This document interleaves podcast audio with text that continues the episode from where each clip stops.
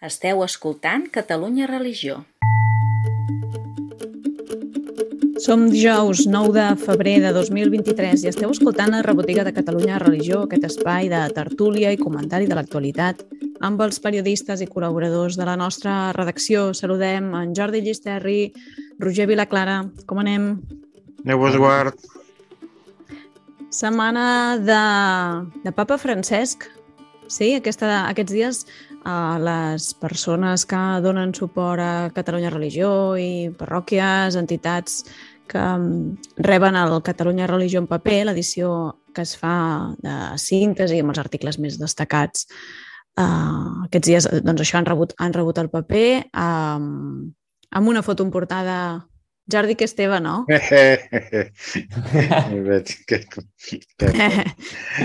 que... no, un papa no. Francesc que somriu no, sí. no em dedico a fer fotos del papa, però eh, després ho vaig mirar perquè no me'n recordava l'any era, però era el, el juny del 2017.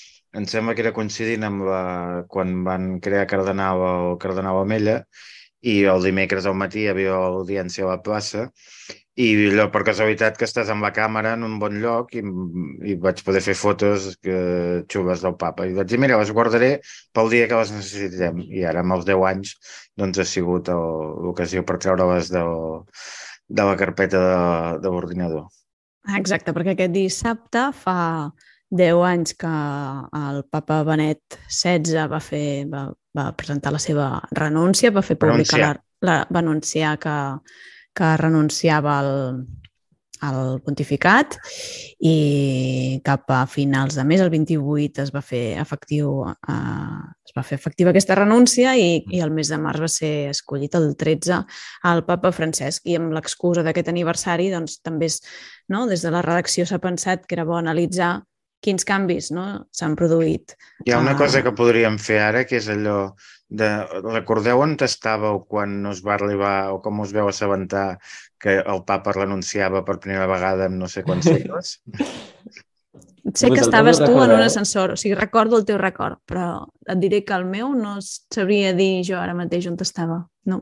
Bueno, ara tenim una prova que la memòria és molt traicionera perquè jo no estava en un ascensor. No? Ah. No, estava en una reunió amb un patrocinador. A la FEC. Ah, no, no sé. No, no. sé que pujaves a l'edifici allà al carrer dels Àngels. No, no, no però, però estava per un tema d'un patrocini i recordo estar en la reunió, clar, que en, en teoria havia d'estar molt interessat amb el que em deia la persona que ens havia de fer una ajuda i, i estava més pendent de mirar un mòbil perquè és que certament no m'ho vaig creure al principi.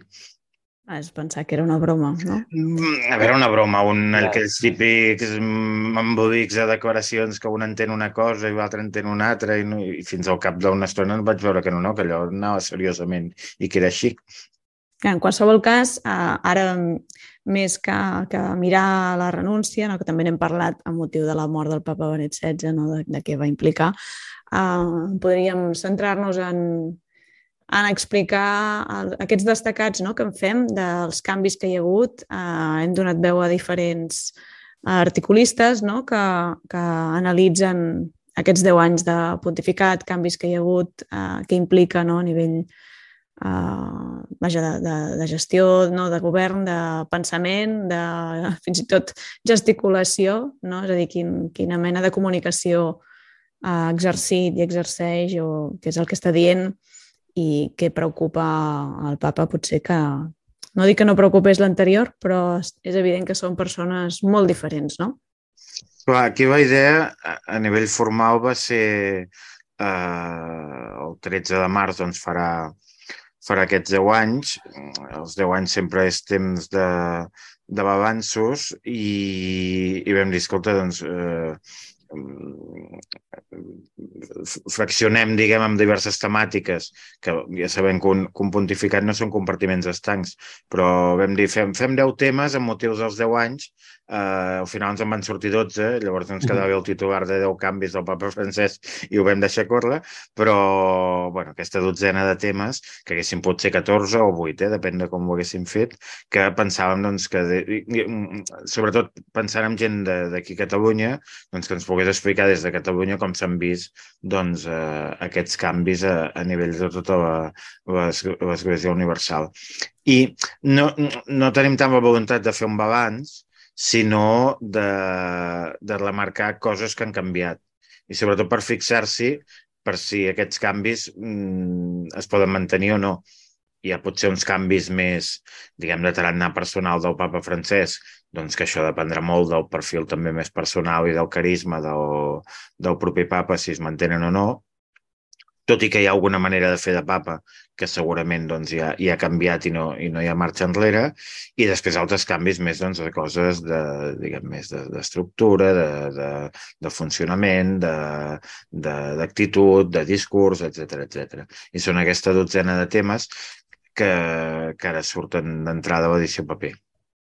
És a dir, per primera vegada anticipem uh, alguns continguts en el paper, cosa que fins ara no havíem fet, no? Sí, I... més que anticipar és mm, com que, clar, que els articles són d'un són certa anàlisi d'una, dues, en algun cas tres pàgines, diguem, quan vist en format paper, eh, i evidentment no, no podíem fer un monogràfic sobre això, ni un número extraordinari, i llavors el que hem fet és en el... En Perquè el la impremta no, regala, no ens regala pàgines, no?, al motiu de mm. l'aniversari. No, i també per anar-ho dosificant.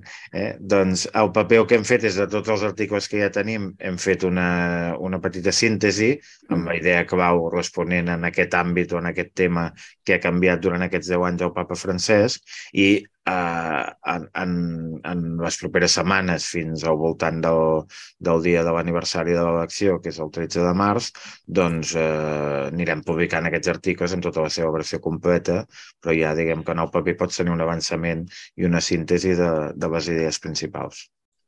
Fantàstic. Doncs eh, tothom a llegir aquests, eh, aquests articles i, i queden també com a referència per quan el, es vulgui no? analitzar o destacar, assenyalar què és el que ha canviat del papa Francesc, què, què és el que ell ha fet que canviés no? amb, aquest, uh, amb, amb aquest moviment no? que, que, que empeny, que sempre sembla que estigui uh, fent que passin coses, no? que això no sempre, no sempre passa a l'Església o de vegades una mica la sensació és d'immobilisme, doncs eh, en aquest cas no, no és així, no? que ha propiciat que També hi ha coses que, que eh, eh, revisant aquests textos, que dius, ostres, això ja no me'n recordava.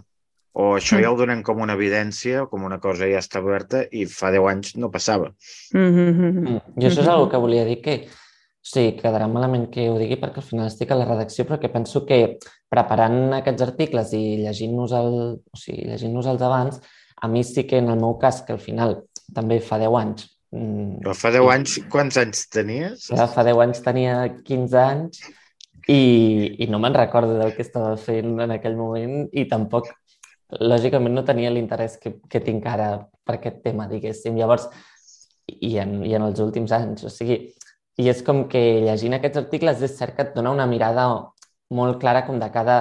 O sigui, de, de coses concretes que el, el papa ha canviat o que han estat destacades durant aquests 10 anys i, i doncs per una persona que potser durant aquests 10 anys no, no ha fet el seguiment del papa o, o no ha tingut l'interès que podem tenir ara, o sigui, jo com a periodista de Catalunya Religió, per dir-ho d'alguna manera, eh, és cert que et dona com un, una bona visió i, i com un, un, bueno, això, un, una visió global de, dels canvis per entendre una mica sigui, a on estem ara, diguéssim, amb el papa. O sigui que, bueno, penso que, que, que són molt interessants, o sigui que els recomano molt.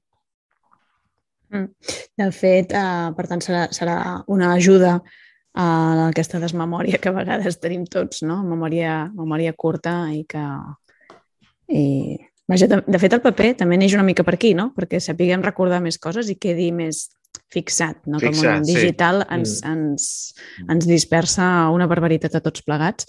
Mm. Uh, I ja que som i que n'estem parlant, uh, recordar no? doncs que és una edició gratuïta que, que es distribueix cada dos mesos aproximadament i que, vaja, que tothom que la vulgui la pot sol·licitar, evidentment eh, oberts a qualsevol col·laboració eh, amb el projecte, que és, sempre ha estat gratuït, obert, ja, no? d'accés lliure, no, no hi ha hagut traves, eh, però en la mesura que un no vol dependre doncs, de la publicitat o d'altres no? Lligams, diguéssim, eh, a, nivell, a aquest nivell econòmic eh, ens ajuda el suport dels lectors, no? que, que es facin també corresponsables de que la informació estigui ben, ben cuidada, no? hi hagi professionals darrere que la persegueixen i vellen per ella.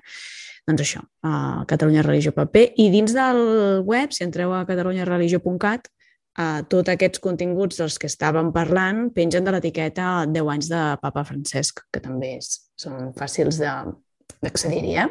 Mm -hmm. Molt bé. Um, més coses. Ah, sense, sense moure's aquí d'aquest tema dels 10 anys. Sí, setmana vinent, dimarts és? Dia 21? No, l'altre. Ah, d'aquí 15 dies, aproximadament. Dimarts 21 de febrer, uh, justament l'Observatori Blanquerna de Comunicació, Religió i Cultura organitza un acte motiu dels, dels 10 anys. Um, mm. Algú té l'agenda davant? Ho veieu, ho podeu recordar, Jordi? Sí, és, a veure, és una iniciativa de l'Observatori Religió i Cultura i Comunicació de Banquerna, de la Facultat de Comunicació. Ja els he girat el nom. Sí, sempre ho dic al revés. De fet, Són moltes paraules a posar, sí, no saps mai l'ordre. Jo crec que ells a vegades també el giren, eh? No, no és una cosa meva. Em, comunicació, religió i cultura. I a més l'ordre també diu, l'ordre dels factors també diu alguna cosa.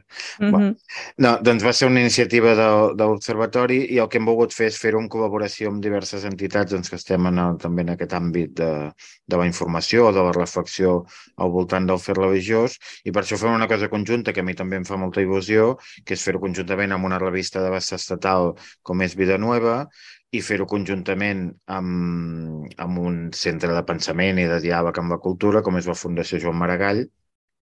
I llavors el que fem és portar dues persones de fora, per entendre'ns, i, i, una, i el bisbe Sergi Gordo de Barcelona, doncs perquè ens pugui donar també la seva visió doncs, més, més des d'aquí.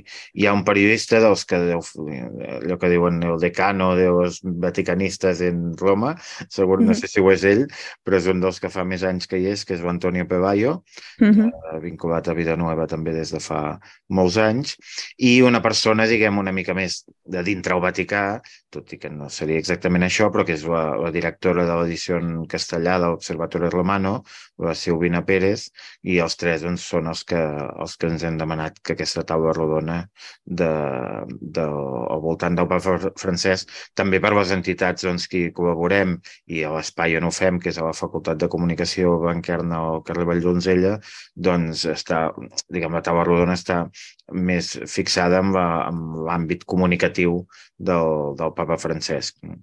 Segur que surten molts altres elements que no tenen a veure directament amb la comunicació, però, però aquest és el, el, el, el punt fort.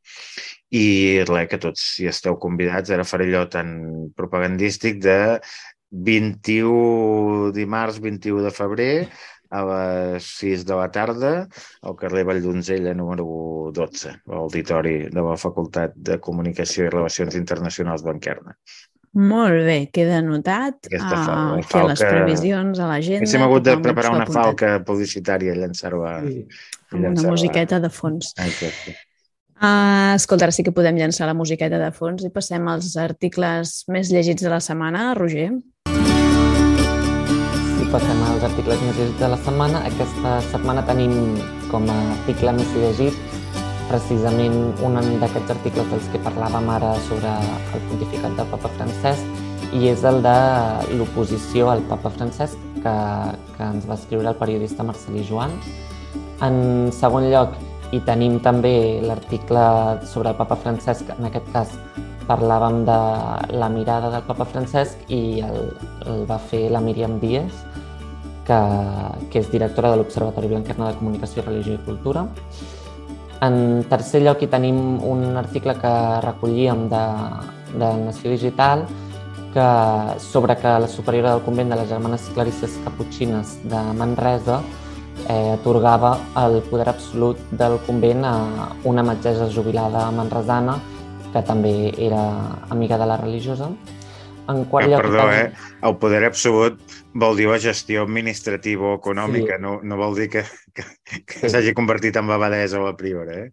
Sí, és Una cert. qüestió més administrativa jurídica que no religiosa.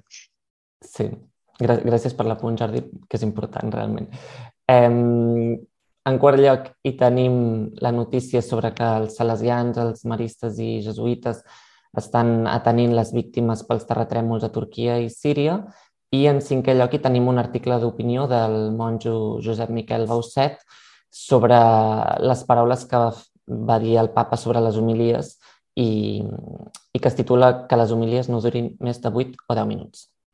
Comencem pel tema dels terratrèmols de, que hi ha hagut a, a Turquia i a Síria, um, no, més enllà del, no sé, del, de l'impacte de, de la notícia, del que hem anat sabent, de com aquestes coses et, et fan aturar i fins i tot poden provocar un cert bloqueig. Hi ha gent que, que s'ha mobilitzat i una mica això és el que expliquem i recollim en aquesta notícia. Roger, tu vas seguir una mica més de prop.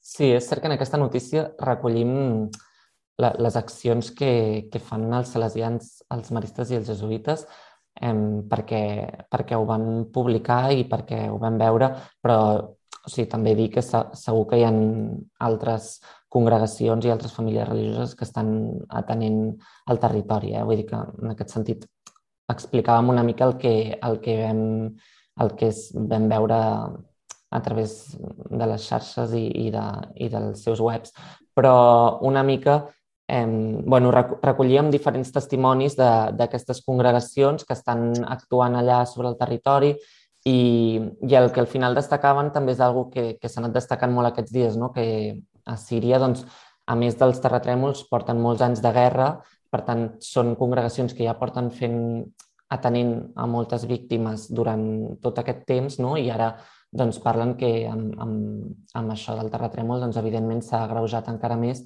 i que la situació és, és molt terrible i que a més a més és cert que a Turquia eh, les facilitats per poder enviar ajuda són unes i a Síria doncs, té un, o sigui, hi ha una gran diferència no? per, per enviar ajuda i per, i per col·laborar amb el país en aquest sentit. No? Per tant, una mica el que destaquen aquests testimonis és això i, i ho recollim en aquest article que has dit molt bé, Roger, això que eh, parlem d'aquestes tres que, que són les que n'hem tingut més notícia, possiblement perquè són de les que tenen una dimensió més internacional i, per tant, doncs, ens pot arribar fins aquí, i que, però que segur que hi ha més gent sobre el terreny. Però mm. el, que, el que volia destacar és que no són institucions que hi han anat, sinó entenc que són institucions que hi són que no és el mateix anar-hi quan passa alguna cosa que estar allà i quan passa alguna cosa, evidentment, eh, també ser-hi. Mm, això és cert. I són institucions que expliquen en, en, aquestes, o sigui, en aquestes informacions que han fet públiques, doncs expliquen també que les cases eh, de la institució religiosa de les congregacions no, doncs les han obert a la gent després del terratrèmol, han, han acollit a gent a dintre doncs, perquè hi passin la nit, etc perquè allà també, a més a més, està fent molt fred aquests dies. Vull dir que sí, bueno, això, això que deies, Jordi, també.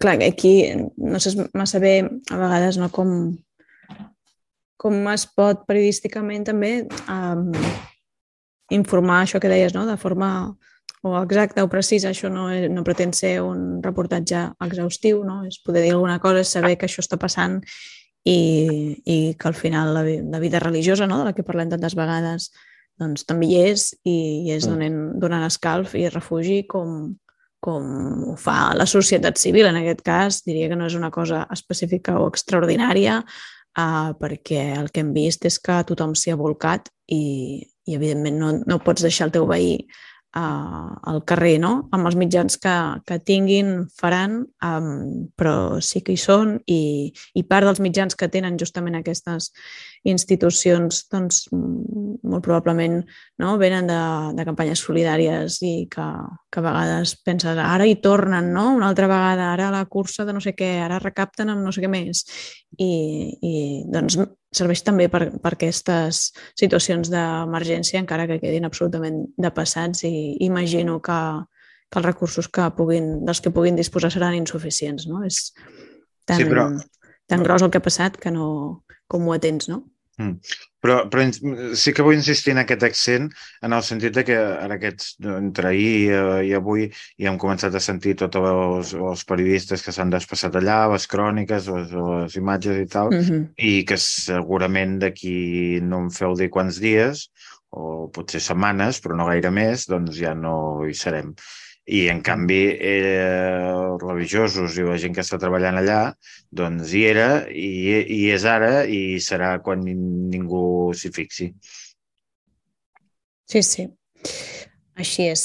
Um, escolteu, no sé si voleu comentar alguna cosa més de d'aquest tema, si no... Uh, sí que volia fer un apunt molt ràpid, que el, el Roger explicava que tenim un, un dels articles més llegits, uh, aquesta opinió d'en Bausset, que ara intentava recuperar-la i ja n'ha publicat una altra, oi, d'article, em sembla, sí, que li ha passat pel davant. Ha sortit. A veure, que, el, que, que hi vaig, el vaig a buscar, eh? però referia a aquesta no, recomanació que ha fet el papa que les homilies no durin més de 8 a 10 minuts, era aquesta la xifra, em sembla. Efectivament. I, vaja, tots jo crec que hem experimentat uh, sovint no, homilies molt més llargues i, o potser uh, que per la manera com estaven estructurades o com s'ha comunicat, expressat, allò es feia molt llarg. No sé si a vegades és objectiu o no, però eh, hi ha una de les coses que... Com a mínim, si no són bones, que siguin curtes. Sí, exacte, que la cosa vagi... No? Brillo, brillo. Um, de fons, una de les coses que ell apunta no? és també la importància que se li ha de donar a l'homilia i que dins de la celebració d'una Eucaristia doncs té la importància que té, que és menor en relació a altres moments de la celebració i que, en canvi, en marca molt. Jo crec que hi ha gent que tria la parròquia en funció de l'homilia, no? I, I no sé si això, dins del marc aquest d'això, de, de, de participació, de que la celebració la fa tota l'assemblea reunida, o no, aquest procés de sinodalitat del que s'està parlant, no? Uh, per què encara um, això té, té aquest punt de, no, de, per què li donem tanta importància no? en aquest exercici d'interpretació de, dels textos? Clar, se suposa que és una persona formada, no? que, que té alguna cosa a dir per, per ajudar a entendre un missatge que es va emetre fa 2.000 anys, no? Mm. Uh, bueno, no sé vosaltres si veieu que, que això es produeix, no? que la gent tria on anar a missa en funció de qui fa l'homilia o de què hi diu, o si li agrada més o menys, no? o la troba més o menys inspiradora. Mm. Però um, bueno, no sé si us heu trobat. Però això potser es produeix més en l'àmbit més urbà. Que, Tens més on triar. A un cop de metro o, uh, tens, tens, o fins i tot a peu tens diversos... O sigui, normal, bueno, potser parlo per mi, eh? Però, però normalment la gent de Barcelona tampoc anem tots estrictament a la parròquia que ens toca per demarcació, que a més mm -hmm. hi ha molta gent que no ho sabem en quin carrer s'acaba la demarcació d'una parròquia i una altra, sinó que tenim doncs, això que podem trobar més afinitat amb, amb el celebrant i, i de vegades doncs això, que agafem el metro no, no, potser tenim una missa al costat de casa però anem a una altra perquè ens, ens hi sentim més, més, més còmodes i també, mm, i també Barcelona es produeix el, la, la migració eucarística, per dir-ho així, que allò, quan canvia el mossèn de parròquia, doncs aquell mossèn que ve ja no t'agrada i acabes anant a una altra parròquia. I això hi ha molta gent que ho fa. Mm. Sí, sí, es, això o passa. depèn del dia, de, depèn del dia si si és un capellà o un altre, o si estàs... O sigui, també jo penso que potser també va si ja d'entrada estàs motivat o si ja estàs una mica amb la mandra, depèn del que sàpigues que vas escoltar o no, pot agafar més motivació o menys, jo penso. És fort, això, eh? Jo trobo que és molt fort. O sigui que... Però, que, a veure, sí, però... Que és tan sincers, fort com real. És, és, és tan fort com real. Sí, sí, sí. Clar, és que és verídic. Sí.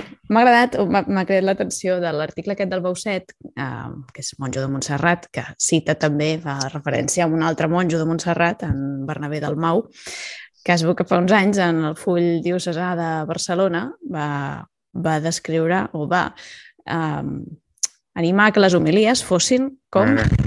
Les minifaldilles. Diu, ha de ser, ha de tenir les mateixes característiques. Diu, primer ha de ser ajustada, segon ha de ser curta i tercer ha d'ensenyar quelcom. Ha d'ensenyar alguna cosa. Sí. Jo no sé si ara seria reproduïble políticament correcte la, la Mm, metàfora. Sí, no sé quants anys fa que va escriure això, però no, no, això fa home, és gràfic. que es diu. És una idea molt gràfica i s'entén. Mm. No, és a dir, tu que estàs transmetent, fes-ho ràpid i, no? I, i això, just. És a dir, allò que es diu de que menys és més, no? També, a vegades, doncs, Sí. som-hi que ho aconseguirem. No, un, un últim apunt de, del titular aquest del Bauset de les homeries han de durar 8 o 10 minuts. Eh, a veure, eh, eh, ara el papa ho ha tornat a dir, però és que ara que estàvem amb els 10 anys, enllaço el principi, Mhm. el primer document així més significatiu del papa de, de finals del 13, quan encara no feia un any que, era, que va ser escollit papa, que és l'Evangeli Gaudium, l'exhortació apostòlica, eh, una de les coses que va sorprendre és que hi havia tot un capítol dedicat al tema de l'homilia i, amb, i una de les coses que deia anava en aquesta línia. I, és el de sempre. Mm, Per, per, allò, si he de parlar una hora, necessito 10 minuts per preparar-m'ho. Si he de parlar 10 minuts, necessito una hora per preparar-m'ho. Doncs eh, la idea de fons és aquesta, que les homilies s'han de, de preparar. No diu primer que et passa pel cap. Mm? I a més, l'homilia també té un sentit de preparació, no només, diguem, acadèmica o, o, o, o, o Intel·lectual. intel·lectual o de format o, o d'idees, sinó també espiritual. Mhm. I el papa ja fa 10 anys i tampoc és una cosa que s'inventi el papa Francesc, eh? Vull dir, també siguem sincers, però ja fa 10 anys em va ser el primer document de magisteri significatiu ja posava molt l'accent en això. I a part Mhm. era una part extensa de la, de l'exhortació apostòlica, vull dir, no era un, un comentari que feia de passada en un determinat tema. Mm? I ara, doncs, bueno, doncs. 10 anys després, si ho 10 anys després ho ha de tornar a repetir i, és, i quan ho repeteix ens en fem ressò, vol dir que potser no ha acabat de... No són No dels canvis del papa francès que han funcionat. Queda dit, queda apuntat. Uh, preneu nota als que feu homilies de 8 a 10 minuts, màxim. No, em pensava que no hi preneu nota els que feu podcast. També, també, també. Va, no ens allarguem més. Uh, gràcies per escoltar-nos una setmana més aquí a la Rebotiga. Gràcies, Jordi Llisterri. Gràcies, Roger Vilaclara. S'acomiada també una servidora, Laura Mort. Fins la setmana vinent. Adéu. A veure...